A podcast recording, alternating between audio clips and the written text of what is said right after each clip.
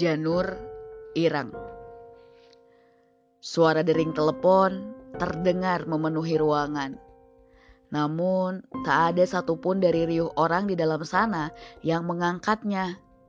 Seorang wanita tengah menatap lurus sebuah jurnal di depannya, sembari membolak-balik lembar per lembar. Tempat di mana wanita itu biasa menggunakan kertas-kertas itu sebagai bahan untuk menulis bahan untuk menulis tajuk berita sebelum melemparkannya ke publik. Tiba-tiba, seseorang menyentuh punggungnya, mengejutkannya sembari menatap dirinya dengan ekspresi wajah bertanya. Hei, ngapain sih lo? Itu telepon di meja lo bunyi terus dari tadi, katanya dengan suara ketus. Oh, iya, sorry, gue nggak denger tadi, ucap si wanita yang tersenyum agak canggung. Orang itu menggeleng-gelengkan kepala menatapnya sejenak sembari berdehem lirih. Aneh. Sebelum ia melangkah pergi dengan wajah jengkel. Sementara si wanita mengangkat telepon, mendengar suara dari ujung lain yang tampak sama gusarnya. Bangsat lo ya, kata si penelepon setengah berteriak. Lo dari tadi ke mana sih? Gue hubungi dari tadi gak diangkat-angkat. Iya iya sorry, gue tadi di kamar mandi soalnya. Ucap si wanita sembari membuka kembali lembar per lembar di buku jurnalnya yang penuh dengan coretan dan tulisan-tulisan acak seadanya. Sementara gegang telepon sudah disanggah oleh bahunya. Si wanita kembali mencoret-coret entah apa di dalam buku jurnalnya kebiasaan yang sudah lama ia miliki. Bahkan ia sendiri tidak tahu sejak kapan kebiasaan mencoret-coret tak berdasar di buku jurnalnya.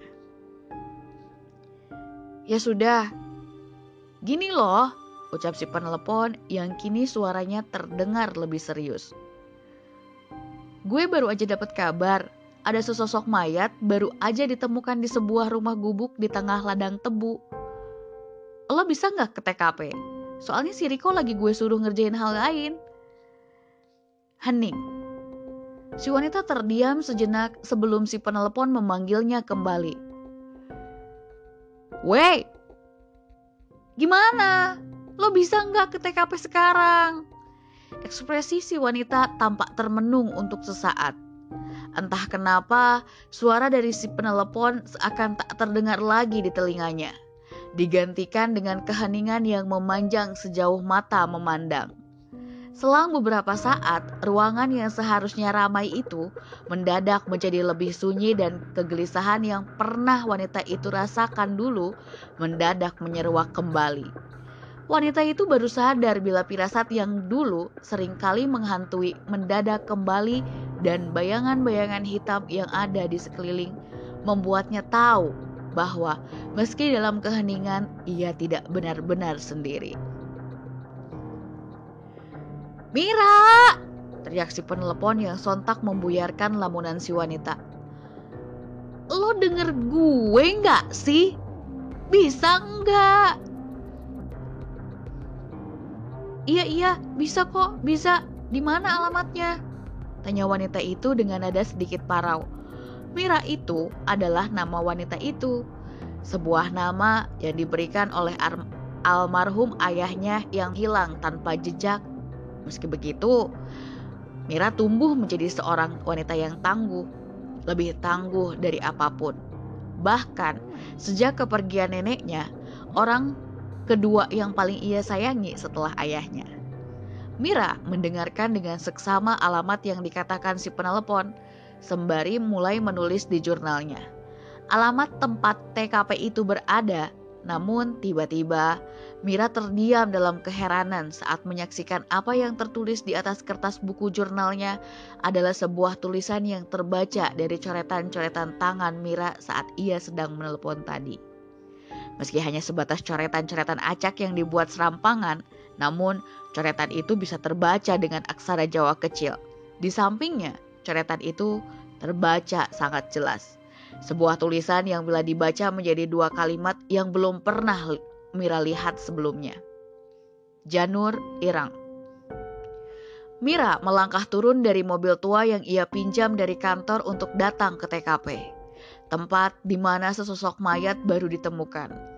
Lokasinya sendiri berada di sebuah perkebunan tebu yang rimbun dan jauh dari hiruk-pikuk pemukiman penduduk sehingga mayat yang baru saja ditemukan sudah dalam kondisi yang benar-benar mengenaskan.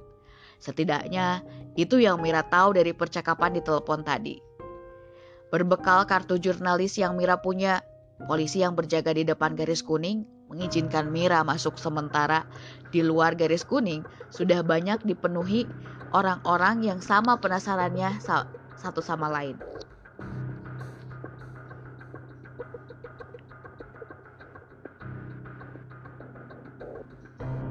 Mira melangkah di atas tebu-tebu yang dipangkas secara serampangan sembari melihat sekeliling dan Mira merasa aneh. Untuk apa seseorang tinggal di tengah-tengah lahan tebu seperti ini? Mira sempat mewawancarai beberapa penduduk yang ada di sekitaran TKP. Mereka mengaku tidak ada yang tahu bila ada sebuah rumah yang dibangun di tengah-tengah lahan tebu yang luas ini. Apalagi setelah ditemukannya seonggok mayat yang ada di dalamnya. Setelah menempuh kurang lebih 100 meter dari jalan, barulah Mira bisa melihat rumah gubuk itu yang disusun dengan kayu-kayu tua. Mira mendekati rumah itu di mana di depan rumah terlihat banyak petugas dan beberapa teman jurnalis yang Mira kenal. Mbak Mira, panggil seorang petugas yang kebetulan mengenali Mira. Mira mendekat. Bapak, ucap Mira kepada petugas. Bagaimana pak keadaan mayat yang ditemukan Apakah sudah diidentifikasi siapa dia? Saat ini masih belum, Mbak. Informasi ini masih sedang kita dalami, ucap Pak Polisi yang membuat Mira mengangguk. Lalu, Pak, soal kematiannya bagaimana? Saya mendengar kalau kematiannya Mira terdiam sejenak. Gak wajar. Si petugas hanya diam saja sembari sesekali memperhatikan sekeliling. Mira bisa melihat gelagat yang tidak nyaman pada si petugas. Sehingga tanpa menunggu jawaban, Mira langsung mengatakannya. Boleh saya masuk pak, saya mau melihat kondisi mayatnya. Tanya Mira yang dijawab langsung oleh si petugas dengan anggukan. Tentu mbak Mira, tentu saja, silahkan. Tapi mbak, polisi itu menatap Mira nanar. Kondisi mayat itu sangat Mira terdiam menunggu. Memprihatinkan. Mira mengangguk. Mencoba mengerti maksud baik petugas yang berjaga. Mira pun melangkah masuk ke dalam rumah gubuk tempat di mana Mira bisa melihat lebih banyak lagi petugas sedang mengerjakan pekerjaannya masing-masing. Tepat di saat Mira menginjakan kakinya di dalam ruangan tempat mayat itu berada, Mira langsung menutup hidung. Aroma busuk yang menyeruak itu langsung membuat Mira terhuyung. Makanan yang Mira telan seperti ingin melompat keluar. Sementara di sekelilingnya orang-orang yang sedang mengidentifikasi menatapnya sebelum memberi Mira masker. Meskipun Mira sudah mengenakan masker, namun aroma busuk mayat itu masih tercium Berkali-kali Mirah menyentuh hidungnya dengan tangan, mencoba mengusir aroma memuakan itu sampai matanya tertuju pada sosok mayat yang ada di depannya. Mira terdiam bingung, harus berkomentar seperti apa, karena tepat di hadapannya terlihat seseorang tak dikenal tengah duduk bersila di atas ranjang dengan kondisi tanpa kepala. Mira masih tidak dapat berkomentar apa-apa selain shock menyaksikan ini. Ini adalah kali pertama Mira melihat hal ganjil yang seperti ini. Bagaimana mungkin hal seperti ini bisa terjadi? Sosok mayat tanpa kepala dengan kondisi ia masih duduk bersila. Di depannya ada sebuah meja kayu dengan beberapa anggop dari tanah liat, berisikan air dan kembang, serta keris yang tersusun rapi di sebelahnya. Mira mengernyitkan kening. Ia berpikir sejenak, apa maksud benda-benda di depannya ini? Apa mungkin sosok ini adalah seorang dukun? Mira terdiam cukup lama, sembari memotret mayat itu dari beberapa sudut yang bisa ia ambil. Sementara bau busuk itu semakin lama tercium, semakin busuk, seakan-akan memberitahu Mira bahwa mayat ini sudah lama mati. Setidaknya itu yang Mira tahu, mengingat ia sudah pernah menangani peristiwa kematian serupa seperti ini. Lebih dari tiga hari tampaknya, ucap Mira di dalam hati. Kulitnya terlihat pucat dan menguning dengan lalat di sekelilingnya. Mira mencoba melihat sekeliling ruangan itu. Namun, sayangnya, ia tidak menemukan apa pun. Bisa jadi polisi sudah mengamankan beberapa bagian yang penting yang kemungkinan bisa membantu penyelidikan. Namun, dari semua yang bisa Mira lihat di sini, Mira mencium sesuatu yang lain. Sesuatu yang sedari tadi sangat mengganggunya. Mira menoleh menatap sebuah pintu di ruangan lain. Pintu itu tertutup dengan garis kuning yang terpasang di depannya. Mira mendekatinya. Tiba-tiba, sebuah kilasan aneh muncul. Dari dalam pintu yang tertutup itu Mira bisa mendengar suara jeritan dari seorang perempuan yang terdengar di telinganya terus-menerus meminta pertolongan. Anehnya, gak ada satupun orang yang ada di dalam sana mendengar suara itu. Penasaran, dengan perlahan-lahan Mira mendorong pintu itu dan melangkah masuk melewati garis kuning yang terpasang di depan pintu. Di dalamnya, Mira menemukan sebuah ruangan lain, sebuah ruangan yang sama persis dengan ruangan tempat mayat misterius itu ditemukan. Bedanya hanya ada di ranjang kosong. Di mana di dalam ruangan ini, ranjang kosong itu ditutupi oleh sebuah tirai putih transparan. Mira mengitari ranjang, sementara ia melihat ke sekeliling. Sedari tadi, Mira masih bertanya-tanya, ruangan apa dan bagaimana bisa ada rumah yang dibangun di sini tanpa ada satu orang pun yang tahu? Hal ini tentu saja membuat Mira begitu tertarik. Mira pun mulai memeriksa ruangan itu. Sementara para petugas kepolisian dan jurnalis lain masih tampak sibuk dengan urusannya sendiri-sendiri. Di tengah ketegangan melihat bagian-bagian yang belum tersentuh itu, tiba-tiba Mira melihat sesuatu yang ganjil. Sesuatu yang ada di bawah sebuah kain hitam pekat yang dililit dan diletakkan di bawah ranjang bertirai, bertirai putih itu. Mira mengangkat ranjang, meraih ikatan hitam pekat itu. Di dalamnya, Mira menemukan sebuah cincin dengan batu berwarna merah delima tua yang lingkarannya terbuat dari tembaga kekuningan. Mira terdiam sejenak menyaksikan cincin itu.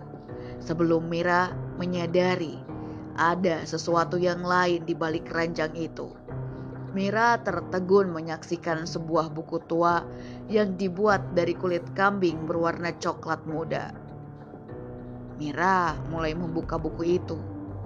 Di depannya tertulis sebuah tulisan yang dibuat dengan menggunakan aksara Jawa kuno.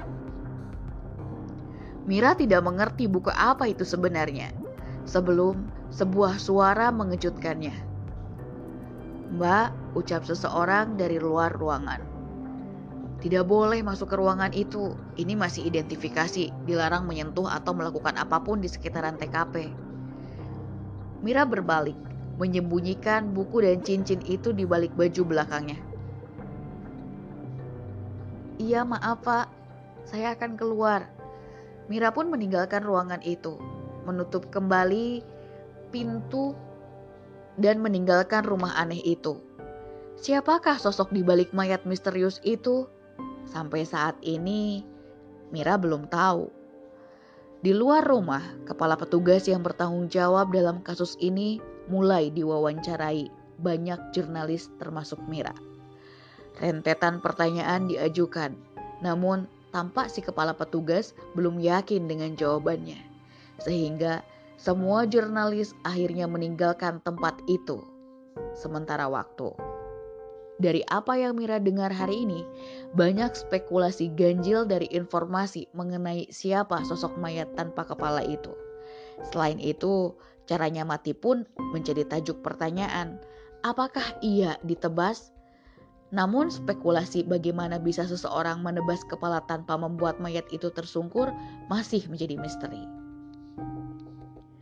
Pertanyaan itu sampai saat ini belum terjawab karena Faktanya, mayat itu ditemukan dalam keadaan duduk bersila. Mira bersiap kembali ke kantor dan mempersiapkan laporannya hari ini. Ia melangkah keluar dari lokasi menuju mobil tua yang ia parkir di samping jalan. Namun, tiba-tiba pandangan Mira teralihkan melihat seseorang tengah menatapnya jauh dari samping sebuah mobil hitam seorang wanita tua yang mengenakan kebaya dengan rambut disanggul. Memperhatikannya seakan ada sesuatu yang ia cari ada dalam dirinya. Mira masih menatapnya sebelum sopirnya melangkah keluar dari dalam mobil dan membuka pintu. Wanita tua itu melangkah masuk, diikuti si sopir. Sebelum akhirnya mobil hitam itu melaju melewatinya. Mira membuka pintu mobil melangkah masuk. Dilihatnya sekali lagi cincin dengan batu delima merah itu dan buku dengan kulit kambing. Sebelum Mira menyadari ada sesuatu yang ganjil pada dua benda itu. Saat Mira menimbang-nimbang apa hubungan sebenarnya dengan semua ini, tiba-tiba mata Mira teralihkan pada coretan di atas jurnalnya yang terbuka. Mira menatapnya sebelum menyadari tulisan dengan aksara Jawa itu terlihat sama dengan satu dua kata penyebutan yang benar-benar sama.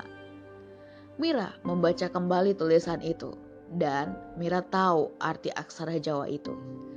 Janur Ireng adalah santet yang menghabisi nyawa seluruh keluargaku.